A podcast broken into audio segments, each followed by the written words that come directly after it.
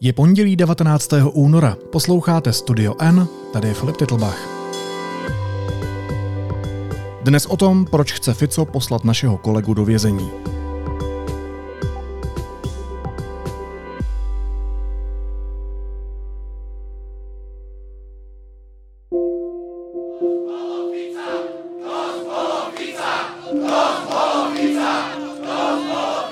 To, čo zažívame momentálne, je to, že nám znova Fico unáša štát. Opäť a znova. Ja som si myslel, že niečo také sa nám už nestane. Navzdory masivním protestům si Ficova vláda prosadila reformu trestního práva napsanou i advokáty stíhaných politiků. Koho chce díky novele slovenský premiér ochránit před vězením? A proč by Fico naopak rád viděl našeho kolegu za mřížemi? Aktuální dění v zemi teď schrneme se šéf-redaktorem slovenského deníku N Matušem Kostolným. Matuši, zdravím tě do Bratislavy. Ahoj. Ahoj Filip, pozdravujem poslucháčov tvojho podcastu.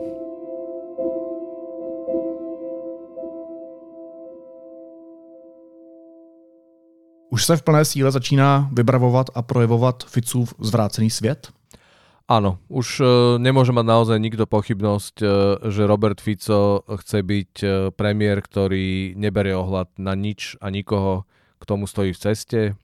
Jeho návrat k moci nemá ani náznak nejakých slušných manierov a správania.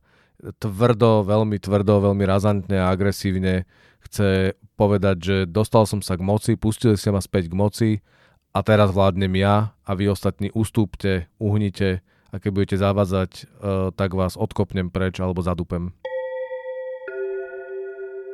My urobíme všetko preto, aby sa obdobie temna rokov 2020 až 2023 už nikdy na Slovensku neopakovalo a aby schválená trestnoprávna legislatíva vstúpila do platnosti a účinnosti.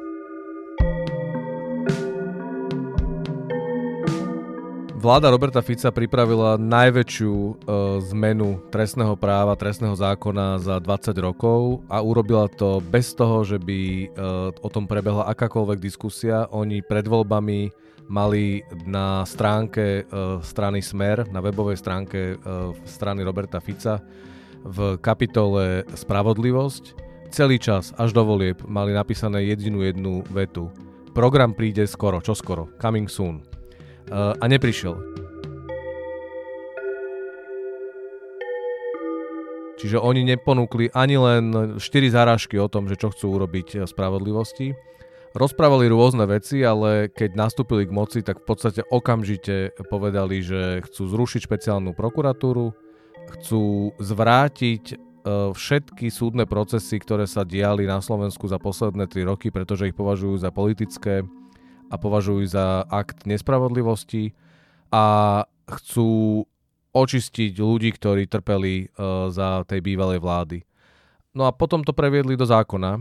Ten zákon uh, písali ľudia, ktorí sami sú, boli obvinení a sú mnohí aj obžalovaní, čelia stíhaniu.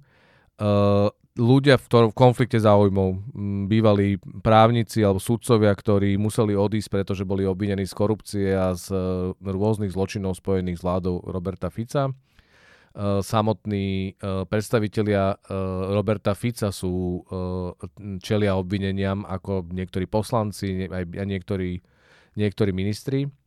A títo ľudia pripravili tú obrovskú masívnu zmenu trestného zákona, dali ju do parlamentu v skrátenom legislatívnom konaní, čo môže znieť ako nejaký technický pojem alebo technický názov. V skutočnosti ide o to, že sa vyhli akejkoľvek e, odbornej diskusii. Za normálnych okolností takáto veľká zmena trestného zákona sa pripravuje mesiace. Pamätáme si to z pred 20 rokov, vtedy to pripravovala vláda a to bola naozaj dlhá debata o tom, že čo všetko sa má zmeniť, čo to bude znamenať, či má byť sadzba za korupciu 5 rokov, alebo má byť e, sadzba znamená uh, trest 5 rokov, 4 roky alebo 3 roky. Uh, jednoducho diskutovalo sa o tom. Potom, keď to normálne ide do parlamentu, tak sa k tomu vyjadrujú všetci zaangažované inštitúcie a organizácie, sudcovia, prokurátori, advokáti, neviem, aké, akékoľvek politické strany, všetci, kto jednoducho k tomu majú čo povedať, tak e, v tzv. pripomienkovom konaní e, dávajú svoje pripomienky, aby dali možnosť predkladateľovi toho zákona, v tomto prípade vláde a ich poslancom, zapracovať tie pripomienky Európska únia, Európska prokuratúra. Tu to neprišlo, pretože to dali do skráteného legislatívneho konania. Znamená to, že to poslali do parlamentu a povedali, nech sa páči, tunak môžete chvíľku debatovať, potom to odhlasujeme a potom to bude tak.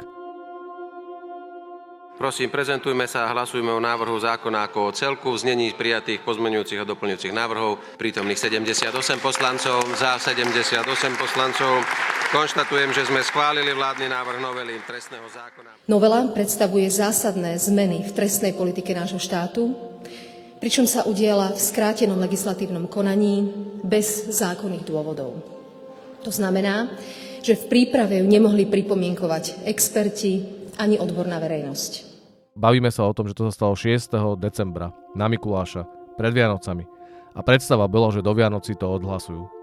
Prerátali sa, pretože opozícia e, pochopila, že toto je naozaj vážna vec, že to je zákon, ktorý úplne zmení charakter štátu a ohrozí právny štát.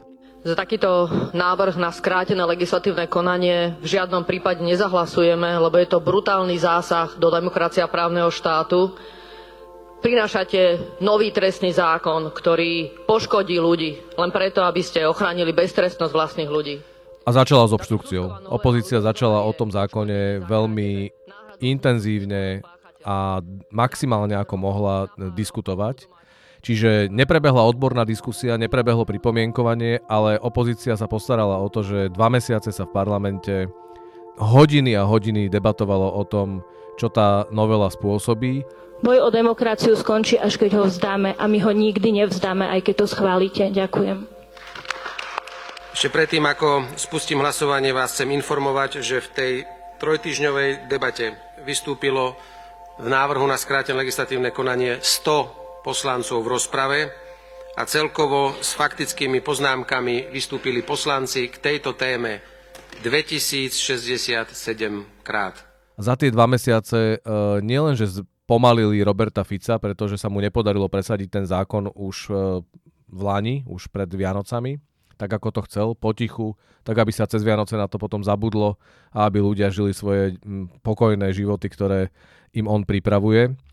E, čiže nielen, že sa, e, že sa to pretiahlo, ale za tie dva mesiace sa začali ozývať aj tie odborné organizácie, ozvali sa prokurátori, ozvali sa niektorí sudcovia, ozvali sa európske inštitúcie. A tie pripomienky zrazu odhalili, že ten zákon nie je len politicky motivovaný, že chce pomôcť Robertovi Ficovi a jeho kumpánom, ľuďom, ktorým hrozilo väzenie, čo je podľa mňa základná motivácia Roberta Fica, prečo to robil. Je to hanebné, že koalícia si schválila takúto amnestiu pre svojich ľudí a popri tom vyliala z vaničky dieťa spravodlivosť na Slovensku. Spravodlivosť... Ale je aj babrácky ten zákon. Jednoducho prináša toľko nezamýšľaných škôd alebo možno aj zamýšľaných, e, že to, e, že to naozaj zničí právny štát a zničí to právnu istotu, ktorú ľudia na Slovensku v nejakej miere mohli mať doteraz. Čiže to sa ukázalo a, a v tomto momente sa ten proces v parlamente ukončil, prezidentka ten zákon podpísala. Podpísala ho napriek tomu, že má k nemu obrovské výhrady a hovorí, že je protiústavný, že je zlý, že je škodlivý, že je nebezpečný ale podpísala ho preto, aby ústavný súd mohol rozhodnúť, či je naozaj v rozpore s ústavou. Rozhodla som sa, že podám návrh na ústavný súd Slovenskej republiky na preskúmanie súladu tejto novely s ústavou a zároveň podávam návrh na pozastavenie účinnosti zákona, kým súd o mojom návrhu nerozhodne. Vťahuje prezidentka ústavný súd do politického súboja? Ak áno, pustila sa na mimoriadne nebezpečné chodníčky. Som presvedčená, že tento spor medzi vládnou koalíciou na jednej strane a opozíciou, mnohými odborníkmi a mnou ako prezidentkou republiky na strane druhej už treba rozseknúť. A jediný, kto o tom môže kvalifikovane rozhodnúť, je ústavný súd. Prestaňme sa teda už dohadovať a nechajme prehovoriť súd. Pretože ak by ho vrátila parlamentu, vetovala, čo by bolo normálne, v normálnej krajine, v normálnych pomeroch by to bol ten postup, ktorý by mal byť správny. Prezidentka nesúhlasí so zákonom, vráti ho poslancom, nech sa skúsia ešte raz zamyslieť. Tak by ich proste prehlasovali. u nás by ju poprvé prehlasovali a po druhé by e, naťahovali čas a e, to prehlasovanie a zverejnenie v zbierke zákonov by sa stalo až tesne pred tým, ako ten zákon vstúpi do platnosti a znamenalo by to, že ústavný súd by nemal šancu rozhodovať a ten zákon prípadne z- zastaviť a e, spochybniť. Takto prezidentka ten zákon podpísala, hovorí, že s výhradami a posiela v pondelok svoj podnet a bude veriť, a, a teda ja s ňou, že ústavný súd e, bude stíhať vyriecť to, že či je ten zákon aj ústavne problematický. On je problematický politicky, politicky to je škandál, ale ústavný súd musí povedať aj, či to je problém právny, ústavný. My sme sa rozhodli zmeniť trestný zákon a zrušiť semenište porušovania ľudských práv, úrad špeciálnej prokuratúry, aby sa trestné právo nedalo viac zneužívať na politické účely. Prezidentka dostala rozkaz urobiť všetko preto, aby zabránila týmto zmenám. Lebo každý ako ona si uvedomujú, že bojovať s nami demokratickými prostriedkami je nemožné. Nás podľa Čaputovej a spol treba len eliminovať. Na to treba zachovať drakonické tresty a všetky možnosti, ako zneužívať trestné právo. Novela bude mať priame a negatívne dopady aj na osoby, ktoré môžu byť poškodené majetkovou trestnou činnosťou. Ak by čo i len na chvíľu vstúpila do účinnosti, tak vy, občania, sa už nikdy nedomôžete náhrady škody, ktorú vám niekto spôsobil napríklad krádežou auta, vykradnutím bytu alebo aj ukradnutím vašich celoživotných úspor. Ak takýto skutok spadne do veľkého koša premlčaných trestných činov. V té úpravě jsou takové absurdity, jako že třeba za všimné ve formě lahve koněku má být stejný trest jako za úplatek 250 tisíc eur, což je v přepočtu víc než 6 milionů korun. V obou případech má hrozit trest od 4 let odnětí svobody, což znamená ve výsledku, že i pachatel vlastně s velkým úplatkem bude mít šanci zůstat na svobodě a vyváznout jenom s podmínkou. Jak to, že prochází i takhle očividné nehoráznosti? Najprv treba povedať, že tá motivácia je naozaj očistiť svojich ľudí. Uh, za, vo vládach Roberta Fica sa tak rozmohla korupcia a stal sa z toho naozaj systém, uh, že to sú desiatky ľudí, ktorí boli uh, v systéme štátu Roberta Fica, ktorí, ktorí už dnes uh, sú obvinení. 40 z nich policajti, sudcovia, ale aj politici, podnikatelia blízky Robertovi Ficovi, už dokonca aj poznajú svoj trest, tých odsúdili. Ďalších 100, 150 je obvinených a keby mali súdy a prokuratúra čas a dosť dôkazov, tak by mohli, uh, mohli sa postaviť pred súd. Čiže to bola prvá motivácia, očistiť týchto ľudí a zjavne to je tak pre Fica dôležité, že kvôli tomu je ochotný rozbiť aj celý právny poriadok a právnu istotu, ktorú tu máme. Ale druhá vec je tá, že oni naozaj uh, považujú korupciu za, uh, za svoj, súčasť svojho sveta. A predstava, že za pár tisíc eur, ktoré si, uh, ktoré si zoberú, by mala hroziť väzenie, to sa im jednoducho zdá byť uh, nepriateľné a nesprávne. Myslím si ja, domnievam sa, že že rátajú s tým, že ľudia si také veľké sumy peniazy ani nevedia predstaviť. Rátajú s tým, že, že ľudia si vedia predstaviť, keď niekto ukradne bicykel alebo keď niekto ukradne neviem, mm, šperky, šperky z vášho domu, ale nevedia si predstaviť, že niekto ukradne milióny eur, ktoré boli určené na pomoc a rozvoj štátu a, a skončia v súkromnom vrecku.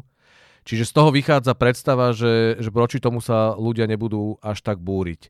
Uh, môžeme debatovať, že či to je, aká to je predstava, čo to presne znamená, ale nie je náhoda, že kým sa debatovalo len o korupcii a len o uh, ekonomických trestných činoch, tak uh, v parlamente to bolo veľmi búrlivé. Bohatí skorumpovaní ľudia sa budú môcť vykúpiť a chudobní ľudia budú naďalej v base. Vôbec vám nezáleží na chudobných ľuďoch, ktorí niekoľkokrát v núdzi sú nútení ukradnúť horálku, nepomáhate im nejakým spôsobom, týchto ľudí necháte v base my v novinách sme písali denne množstvo textov a upozorňovali sme, aké to je nebezpečné. E, odborníci na to upozorňovali, ale verejná odozva bola, povedal by som, že mm, neemotívna.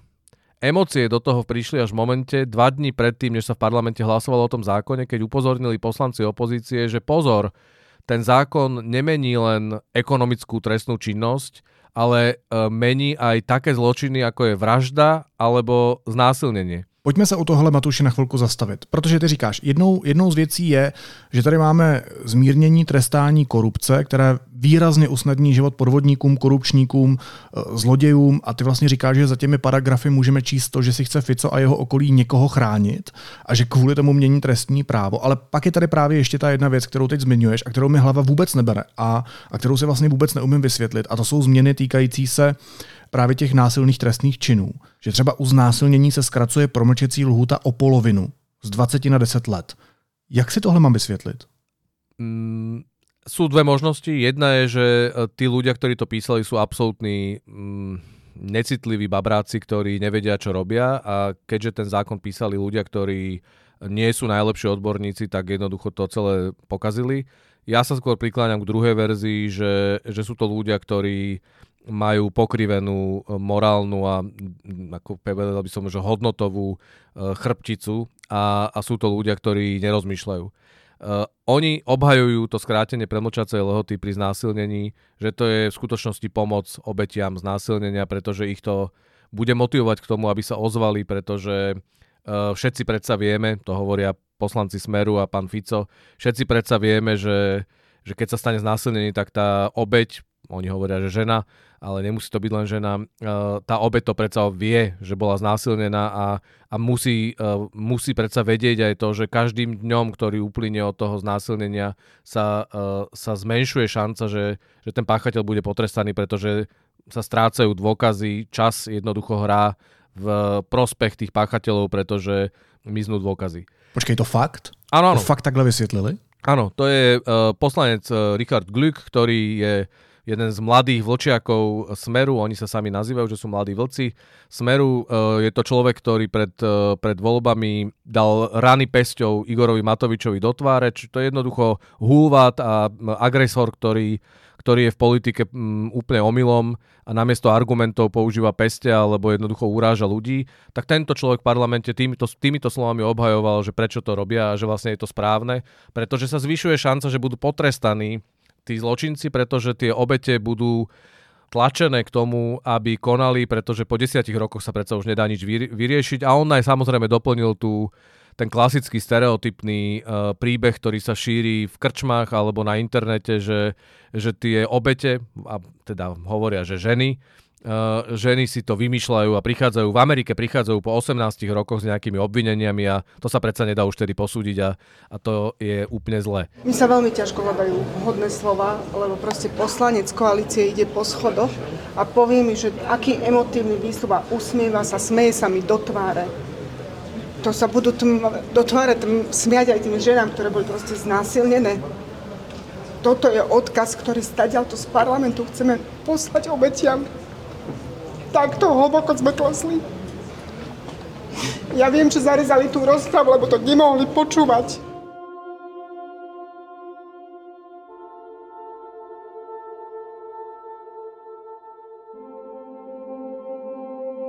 Hele, a není to ani tady tak, že třeba chrání nějaké svoje blízké, že tady mají prostě někteří lidi máslo na hlavě a tak prostě potřebují, aby věci, které jsou 20 let staré, se zkrátka neřešili 15-20 let? Je to možné, ale poprvé nevieme o takých konkrétnych príkladoch a po druhé zdá sa mi to byť... Uh, to sa zdá cez čiaru jednoducho už aj mne, že by kvôli jednému alebo dvom konkrétnym kamošom uh, toto robili. Oni naozaj majú niekoľko argumentov, ktorými obhajujú to skrátenie premočacej lehoty. A ďalší argument je, že 10 rokov premočacia doba, to hovorí dokonca osobne pán Fico, 10 rokov premočacia doba predsa bola v Československu od roku 1961 až do a u nás na Slovensku až do roku 2005, kedy to zmenil uh, vtedajší minister spravodlivosti pán Daniel Lipšic. Daniel Lipšic je ich úhlavný nepriateľ a oni o ňom hovoria, že to je zloduch a že on je vlastne e, dôvodom všetkých tých politických procesov. Prezidentka rovnako ako opozícia, médiá a tretí sektor sa dnes opakovane postavili za záchranu Čurilovcov a Lipšica. Ľudí, ktorí v rokoch 2020 až 2023 páchali zverstva na opozícii. E, to nie je náhoda a preto to meno spomínam, pretože aj v týchto znásilneniach jednoducho ten Daniel Lipšic sa v ich hlavách objavuje. A pán Fico ako keby nerozumie, že mm, nežijeme už v roku 1961. On sa chodí kláňať Gustavovi Husákovi. On odkazuje svojim voličom takú, alebo teda veľmi intenzívne rozpráva nostalgicky o tej dobe e, normalizácie a komunizmu. E, a pre ňo zjavne jednoducho tá doba so všetkým bola lepšia ako tá súčasná doba, čiže aj s tým, že bola premlčacia lehota pri znásilneniach 10 rokov. Ale odborníci, a nemusia to byť len odborníci, normálny človek jednoducho, ktorý je aspoň trocha ľudská bytosť, musí vedieť, že e, dnes vieme o znásilneniach a o traume, ktorú to spôsobuje, nekonečne viac, ako sme vedeli v roku 1961. Za tých, e, za tých 50 rokov, 55 rokov sa posunula veda a poznanie, ľudské poznanie o traume kilometre dopredu a celý civilizovaný svet prehlbuje ochranu obetí znásilnenia a sexuálneho násilia.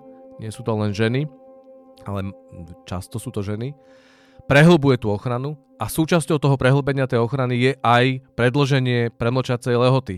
Jednoducho e, dnes vieme, že obeti, obete sexuálneho násilia a špeciálne keď sa to deje maloletým deťom, tak e, to trvá jednoducho niekedy celý život, a kým sú o tom schopní rozprávať a niekedy nikdy nebudú schopní o tom rozprávať, ani svojim najbližším a nie, že ísť na policiu a stretnúť sa s nejakým upoteným policajtom, ktorý sa pýta nepríjemné a nechutné otázky, ktoré vlastne tú obeď e, traumatizujú znova, viktimizujú a, a stávajú do, e, do otrasnej situácie. Čiže navrhnúť skrátenie premočacej lehoty, to môže urobiť len necitlivý necitlivý neodľud. Jednoducho človek, ktorý nie je ľudská bytosť. A to robí Robert Fico.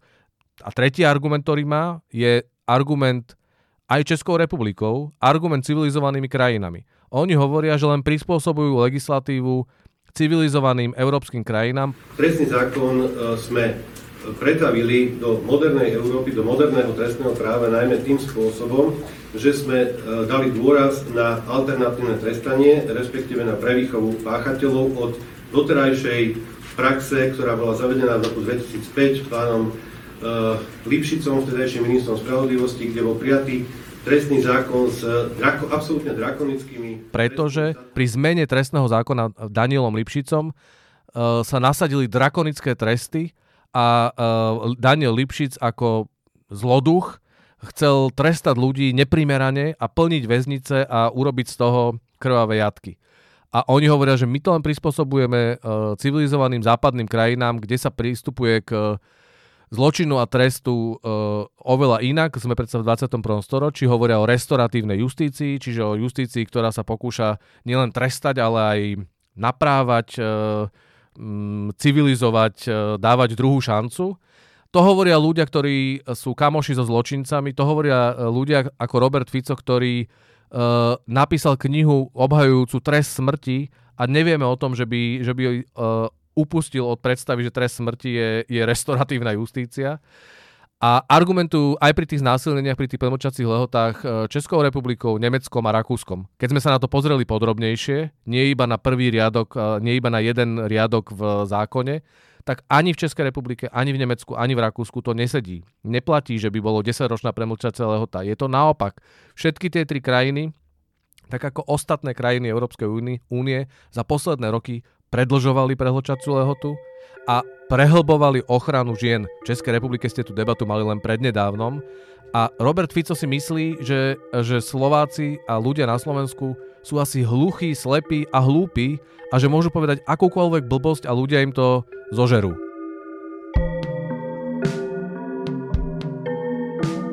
A tým sa dostávam k politickému momentu a to je, že 50% tejto krajiny, ľudia, ktorí volili súčasnú vládnu koalíciu, sa naozaj správajú tak, že čokoľvek im Robert Fico povie, tak, e, tak to zoberú, odkývajú a majú pocit, že to je správne. S tým kalkuluje Robert Fico preto je zatiaľ úspešný, preto sa mohol vrátiť späť k moci a to je jeho stratégia po návrate k moci.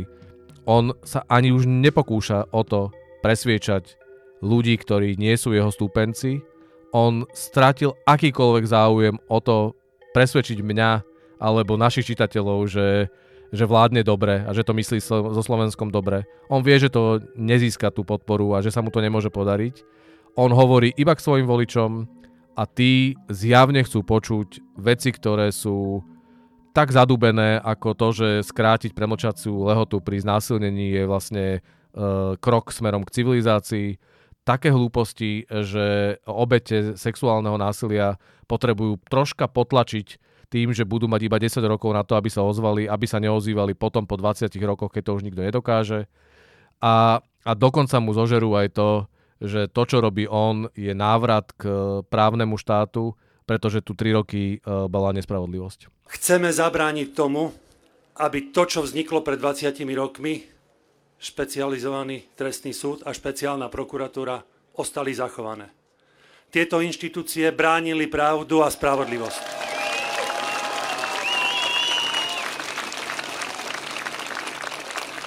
História ukázali, že tieto inštitúcie majú opodstatnenie v našej krajine, lebo prinášajú výsledky a ovocie. Ale pak je tady přece část Slovenska, která se s tím nechce smířit. Mě by zajímalo, jak silné jsou ty protesty, kterým kvůli posledním krokům musí Ficova vláda čelit. Sú nezvyčajne silné, pretože nie sú to najväčšie protesty v dejinách Slovenska. Ehm, na námestiach bolo už aj viac ľudí ako teraz v posledných týždňoch. Ale tie protesty uh, sú výnimočné z dvoch dôvodov. Jeden je, že uh, sa opozícii podarilo namotivovať ľudí, aby chodili na demonstrácie každý týždeň. Ak sa nemýlim, bolo 8 takých e, protestov, ktoré urobili od Vianoc, alebo teda od, e, od decembra až doteraz. A boli naozaj 10 e, tisícové. V Bratislave boli, boli vždy viac ako 10 tisíc ľudí. Odohrávali sa v mnohých mestách a ten počet ľudí, ktorí chodili protestovať, rástol. Veď si len pozrite, čo riešia, čomu venujú energiu od volieb. Je to zdravotníctvo? Sú to školy? platy učiteľov? Sú to platy nás všetkých? Je to životná úroveň? Nie. Je to len a len moc a beztrestnosť pre nich samotných. Na všetko ostatné Fico kašle. Je im úplne jedno, že ľudia sedia za nejaké konopné maste viac než za vraždu, ale keď majú ísť do basy korupčníci, to je zrazu problém a treba znižovať tresty. Predpokladám, že tie demonstrácie budú pokračovať aj uh, v najbližších týždňoch. Čiže to je jeden dôvod, ktorý z toho robí výnimočnú vec. Ako malú zarážku, alebo teda podčiaru by som povedal, že výnimočné je to, že to organizuje opozícia, pretože na Slovensku sa uh, v posledných rokoch opozícia tak zdiskreditovala, že ľudia by nevyšli pre, pre politikov do, do ulic a demonstrácie po vražde Jana Kuciaka organizovali občianskí aktivisti, ktorí sa nazývali e, Zaslušné Slovensko. Politikov tam nepúšťali ani na tribúnu. E, a tých 6 rokov vládla, vládol akýsi pocit, že, e, že demonstrácie a, a ľudové protesty nemajú robiť politici a majú ich robiť občianskí aktivisti. To sa tiež podarilo v súčasnej opozícii úplne zmeniť a tie protesty sú politické a ľudia tam chodia a zrazu tá úplne jednoduchá vec, že veď politici sú volení zástupcovia ľudí, tak to zrazu uh, sa ukazuje, že, že sa to neprejavuje len v parlamente a že sa nekončí tým odozdaním hlasu, ale že, uh, že vlastne tí volení zástupcovia predsa môžu byť aj motorom um, občianských protestov, pretože to je úplne logické. Došiel som podporiť samozrejme dobrú vec, keďže nesúhlasím s tým, čo sa deje. Nie som spokojný so situáciou, ktorá, ktorá je na Slovensku po voľbách, ale myslím si, že má zmysel, keď sa ukáže, že niekto má iný názor. Druhý moment, ktorý pri tých protestoch e, ešte je dôležitý, je, že, že neprestávajú. Že jednoducho pokračujú ďalej a že, e, že tam rastie, rastie počet ľudí, ktorí, ktorí prichádzajú. A odohráva sa to okamžite po voľbách. Za normálnych okolností sú voľby tak zásadnou deliacou čiarou, veď predsa voľby sú najreprezentatívnejším uh, výsledkom uh, vôle ľudu. Oni hovoria, kto má vládnuť a kto, kto má byť v opozícii.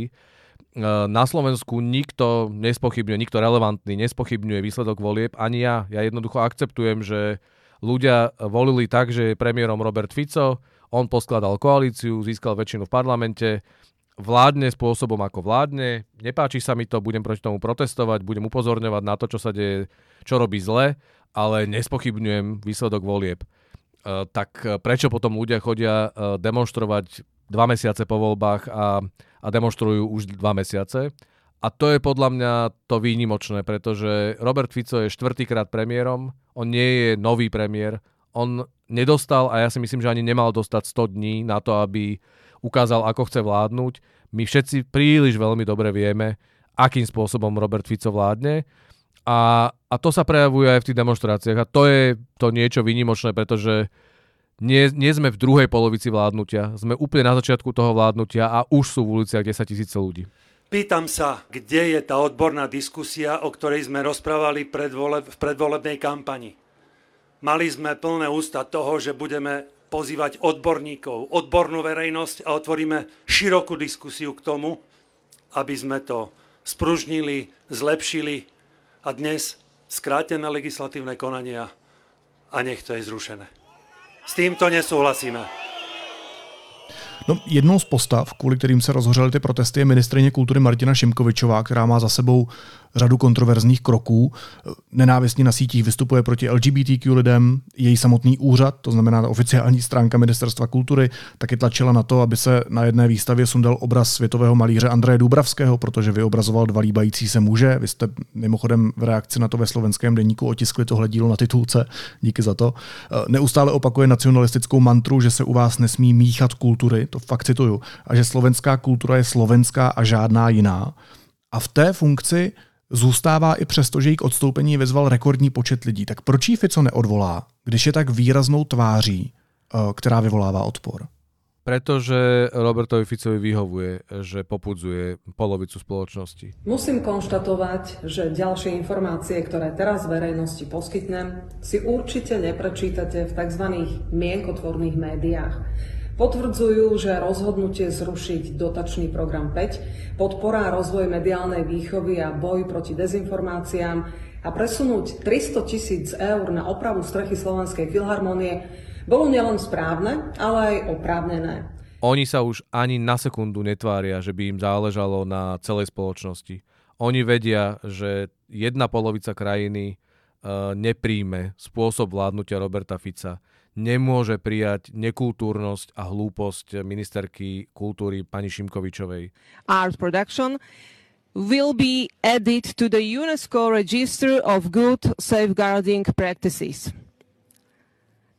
It is our belief that the proposed framework will greatly... Pani Šimkovičová je za normálnych okolností by som povedal, že to je najväčšia hamba eh, tej vlády, pretože je nekultúrna, obmedzená, nevzdelaná, má tendenciu uh, osobovať si právo, určovať, čo je umenie a čo nie je umenie, čo je dobré a čo je zlé. A má, je tak jednoducho nedovzdelaná, že ona si ani neuvedomuje, že robí niečo, čo, uh, čo, je, čo nie je v poriadku. Nehovoriac o tom, že a tu typujem, ale predpokladám, že ona ani nevie, že používa jazyk, ktorý používali fašisti za Hitlera. Jej to jednoducho prípadá normálne a prirodzené hovoriť jazykom, akým hovoril Hitler o umení a o, o, o normálnosti a nenormálnosti. Ale pani Šimkovičová nie je najväčší problém tej vlády. Pani Šimkovičová je na hambu a na smiech. Je to pre umeleckú scénu ťažko akceptovateľné, pretože je to ponižujúce mať takého človeka za svojho ministra. Ale zďaleka nie je najvulgárnejším človekom tej vlády, zďaleka nie je najagresívnejším človekom tej vlády a zďaleka nie je najnebezpečnejším človekom tej vlády. Uh, ona môže napáchať množstvo škôd na obraze Slovenska v zahraničí. Ona môže napáchať škody pre umelcov a pre, pre kultúrny rozvoj tejto krajiny, ktorá má naozaj stále ešte problém so svojou kultúrou. Ale neposiela, uh, neposiela zločincov na slobodu. Ona nemení zákony, ktoré ohrozujú majetky a životy e, všetkých občanov Slovenska. To robí Robert Fico. Robert Fico používa za posledné roky tiež extrémistický jazyk. On nie je tak nevzdelaný a obmedzený ako pani Šimkovičová. On presne vie, čo robí. On, on vedome komunikuje spôsobom, ktorý oslovuje ľudí, ktorí sú, majú sklony k násiliu, ľudí, ktorí chcú radikálne extrémistické riešenia. Pani prezidentka končí ako opozičná atrapa hračka v rukách médií a mimovládnych organizácií. Čiže prečo by odvolával pani Šimkovičovú, keď e, jemu vyhovuje to, že e, ona tiež šteklí a, podnecuje tú druhú časť spoločnosti, ktorá, ktorá počuje na, na jednoduché riešenia, násilie, nenávisť. To sú emócie, ktoré Robert Fico úplne vedome používa a chce ich využívať a pani Šimkovičová je jeden z nástrojov, ktoré na to má.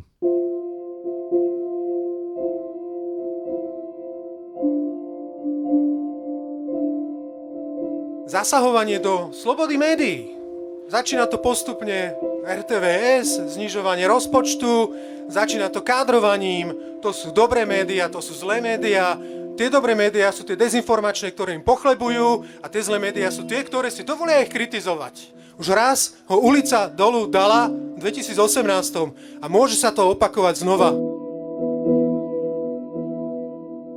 Vedeli by ste, pán premiér, zareagovať na dnešné hlasovanie v parlamente? Bude podľa vás 20 dní stačiť na to, aby parlament, pri, aby parlament prijal dostatočne kvalitu novelu trestného zákona? Ďakujem. Áno, televízia Markíza. Ďalšiu otázku, nech sa páči. RTVS, ak môžem teda aj k inej téme, prečo obmedzujete teda rozpravu k novele trestného zákona? E,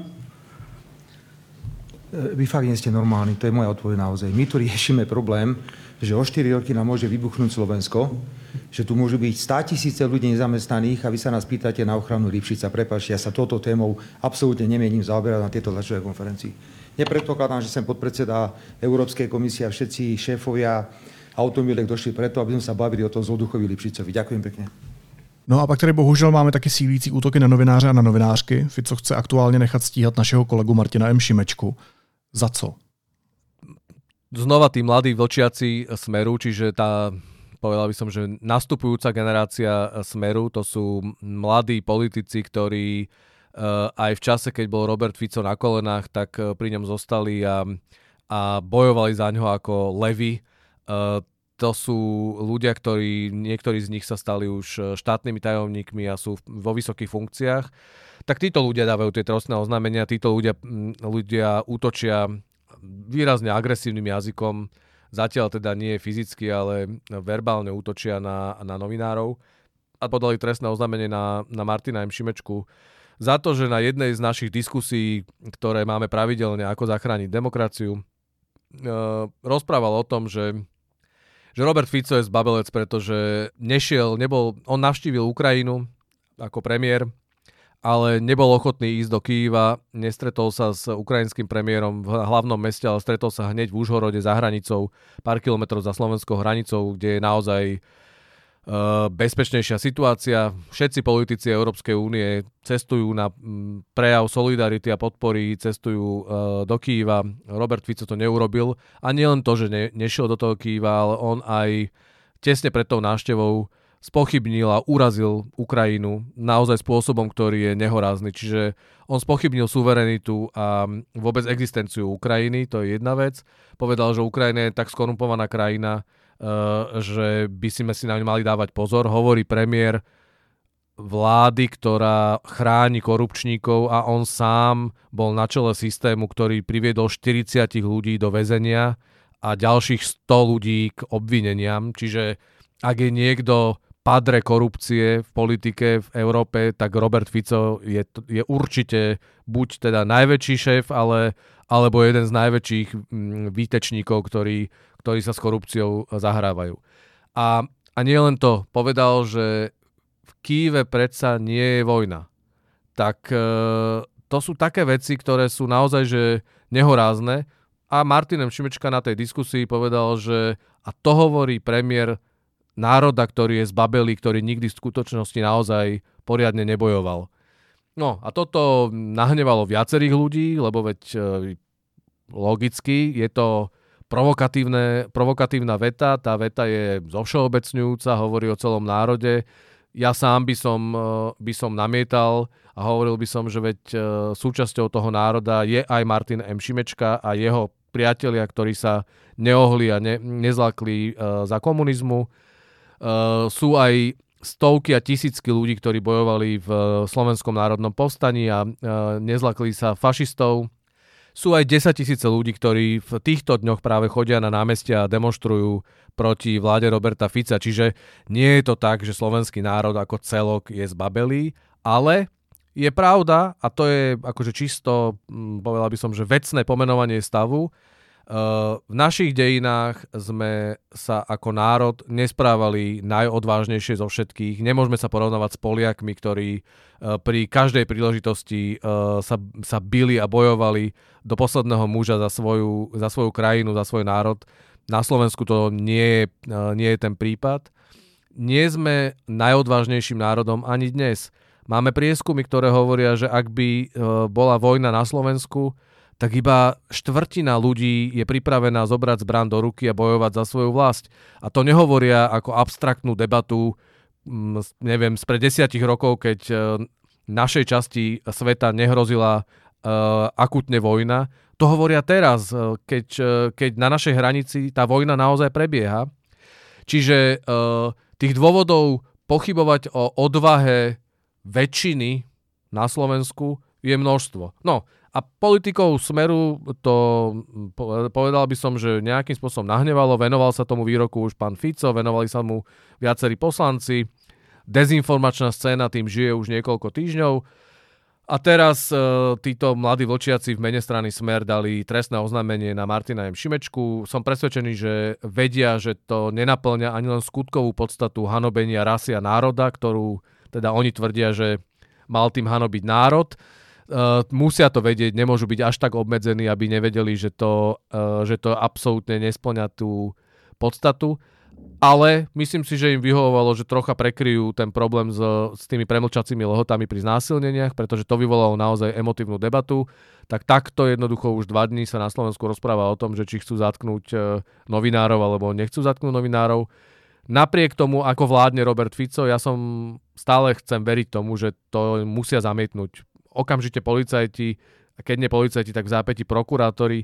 Jednoducho to je tak šialené, že by mali stíhať a dokonca, že by malo hroziť väzenie Martinovi M. Šimečkovi, ale ktorémukoľvek novinárovi za to, že vysloví názor, že sa neviem zmieriť s predstavou, že by sme za 4 mesiace Ficovej vlády e, naozaj sa vrátili až do husakovskej normalizácie a že by to tam malo ísť. Ale už to, že to urobili, hovorí jasný, je to jasný signál.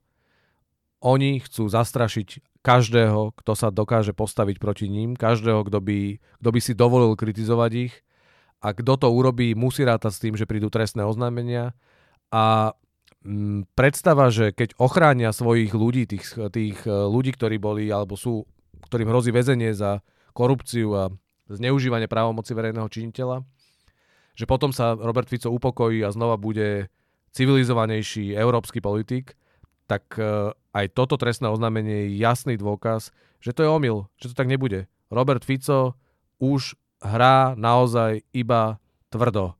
On už rozdáva iba údery, jemu už nejde o podávanie si rúk a mm, dialog a dohodu a pokoj.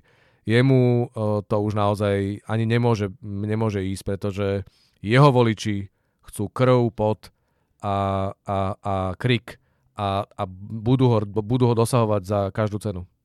On to není jenom Martin M. Šimečka, protože je to několik dní zpátky, co Ficův poradce Erik Kaliňák pronásledoval komentátora Mariana Leška. To bylo co za situaci? Tá istá diskusia, ako zachrániť demokraciu, pretože tam uh, diskutujeme každý mesiac uh, a niekedy aj teda cestujeme po Slovensku v zostave. Monika Todová je moderátorka toho večera a pravidelnými hostiami tej diskusie sú práve Marian Leško, Martinem Šimečka, Michal Vašečka a ja.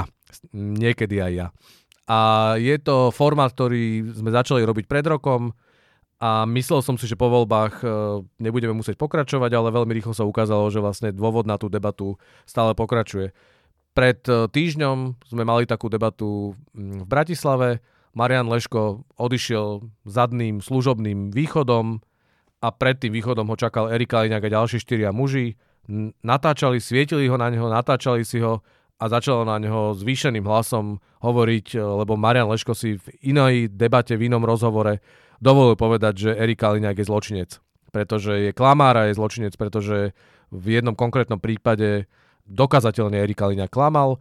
tak Erik Kaliňák si prišiel počkať Mariana Leška, natočil ho, potom to video zverejnil, pretože Marian e, podľa mňa veľmi rozumne sa otočil na podpätku a vrátil sa späť do divadla, nerozprával sa s nimi, e, nemal prečo sa s nimi rozprávať. A oni z toho urobili video, že tu sa ukázalo, že redaktori denníka N sú zbabelci, ktorí keď e, sa majú obhájiť, tak, tak radšej utekajú. Ale ja naozaj nevidím dôvod na to rozprávať sa na ulici v noci o 10. večer alebo o 9. večer za tmy s Erikom Kaliňákom, ktorý si to natáča a chce to použiť na svoje propagandistické účely. Nevidím najmenší dôvod a nevidím akože vesmír, v ktorom by, v ktorom by som ja alebo Marian Leško sa mal rozprávať s takým človekom ako Erik Kaliňák. Dobrý večer, pán Leško. Môžem vás na sekundu vyrošiť? Iste, iste. Označili ste ma v jednom zo svojich rozhovorov za kriminálneho luhára. Nie, pán Leško, počkajte, ja sa vás chcem spýtať. Vy ste povedali, že som kriminálny luhár, pretože táto správa, ktorú tu mám, tvrdí, že došlo k obsahovej manipulácii. Pán Leško, moment, niečo o mne tvrdíte, na základe čo vás naozaj už môžem žalovať. Tu máte trojstránový dokument. Tu mi len ukážte na základe čo to tvrdíte. Kam utekáte? Prečo meníte zrazu smer? Pán Leško, ja chcem vás jednu jedinú vec. Ukážte mi na zá... Tvrdíte, že som kriminálny lúhar o mne a nemáte ani tu.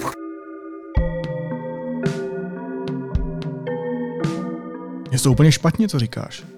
Protože přece jako zavírat lidi za to, že si myslí něco jiného než politici, kádrovat média na, na přátelská a nepřátelská, pronásledovat novináře, veřejně je šikanovat, to už jsme tady přece měli a říkal z tomu totalita. Jako tohle to je pomsta, kterou chce Fico dotáhnout až do konce a, a nechat zatýkat nepohodlné lidi?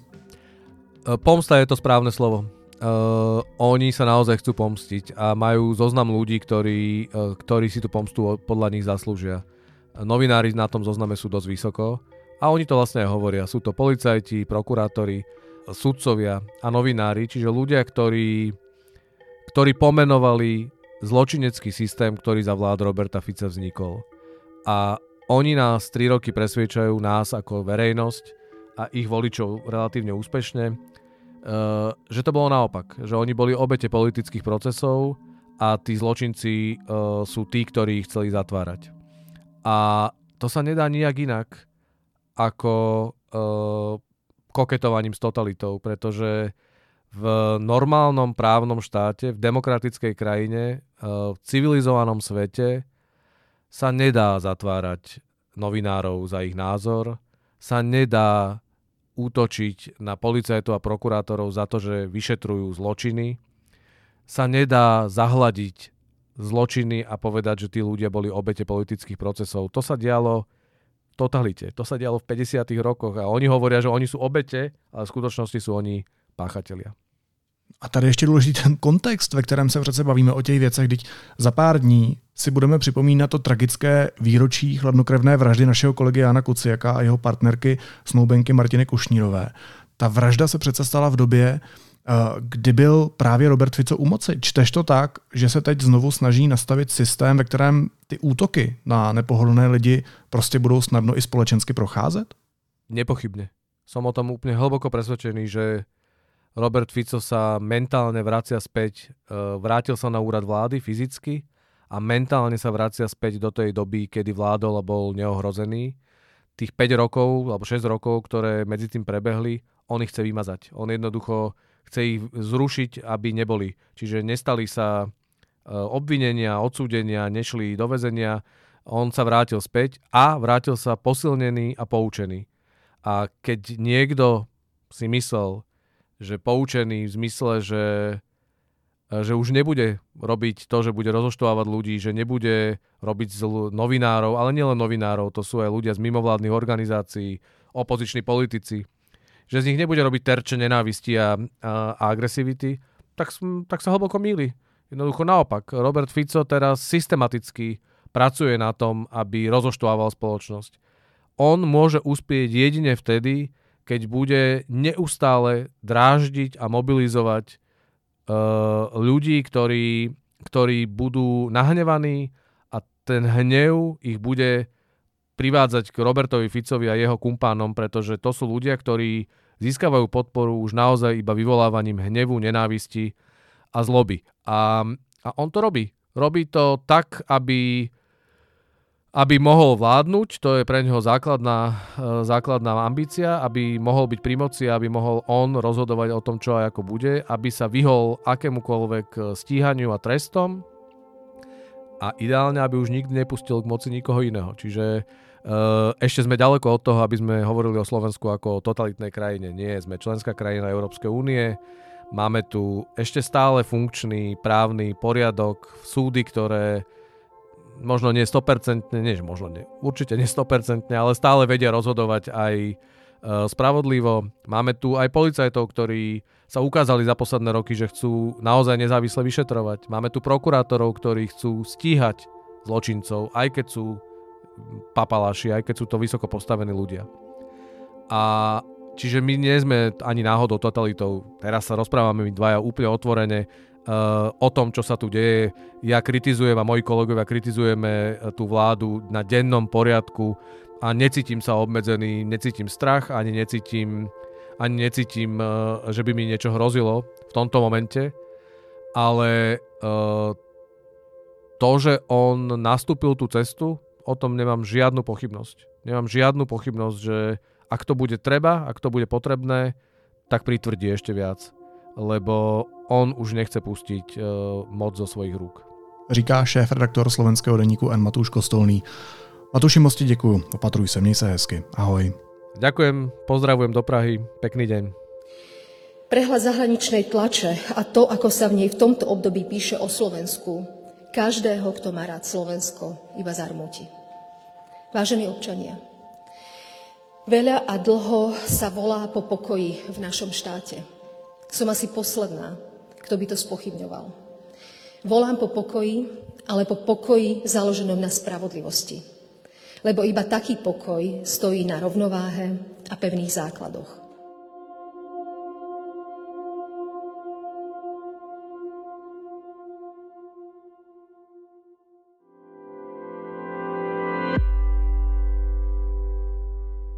A teď už jsou na řadě zprávy, které by vás dneska neměly minout.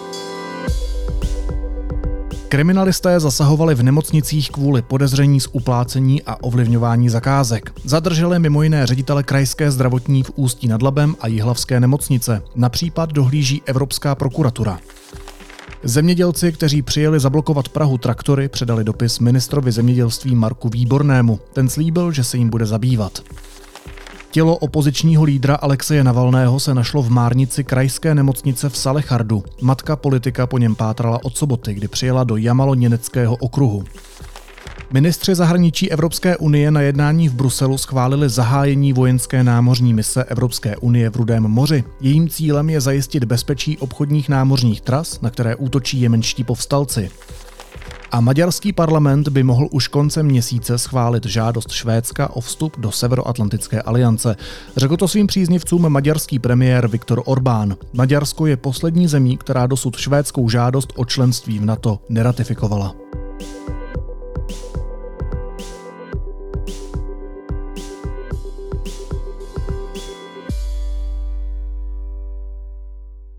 A na závěr ještě jízlivá poznámka. Bývalý jeho moravský hejtman Michal Hašek, který se pokouší o politický comeback v barvách hnutí pro Jindřicha Reichla, si v rozhovoru pro sobotní MF dnes postěžoval, že dochází k destrukci konzervativních hodnot. Cituji, nelíbí se mi svět, kde se ráno mohu prohlásit za černou lesbu, druhý den za nebinární to a má to být považováno za normální. Konec citace. S Haškovými pocity lze soucítit alespoň v jedné rovině. Zatímco černé lesby a nebinární to mají podle bývalého hejtmana ten luxus vybrat si ze 70 pohlaví, pro Michala Haška to musí být strašné, mít možnost se vybrat jenom mezi třemi podobami svého já. Směšnou postavičkou, zkrachovalým politikem a jedenáctkrát usvědčeným lhářem. Pane předsedo, jak tomu máme rozumět? Nevím, pozvěte si sem zítra Milana Chovance. Trváte na tom, že ta schůzka nebyla? Já o žádné takové schůzce nevím, paní vy jste, Drtinová. Vy o ní nevíte a vy jste na žádné takové schůzce Já nebyl. o žádné takové schůzce nevím, paní Drtinová. Tak. Naslyšenou zítra.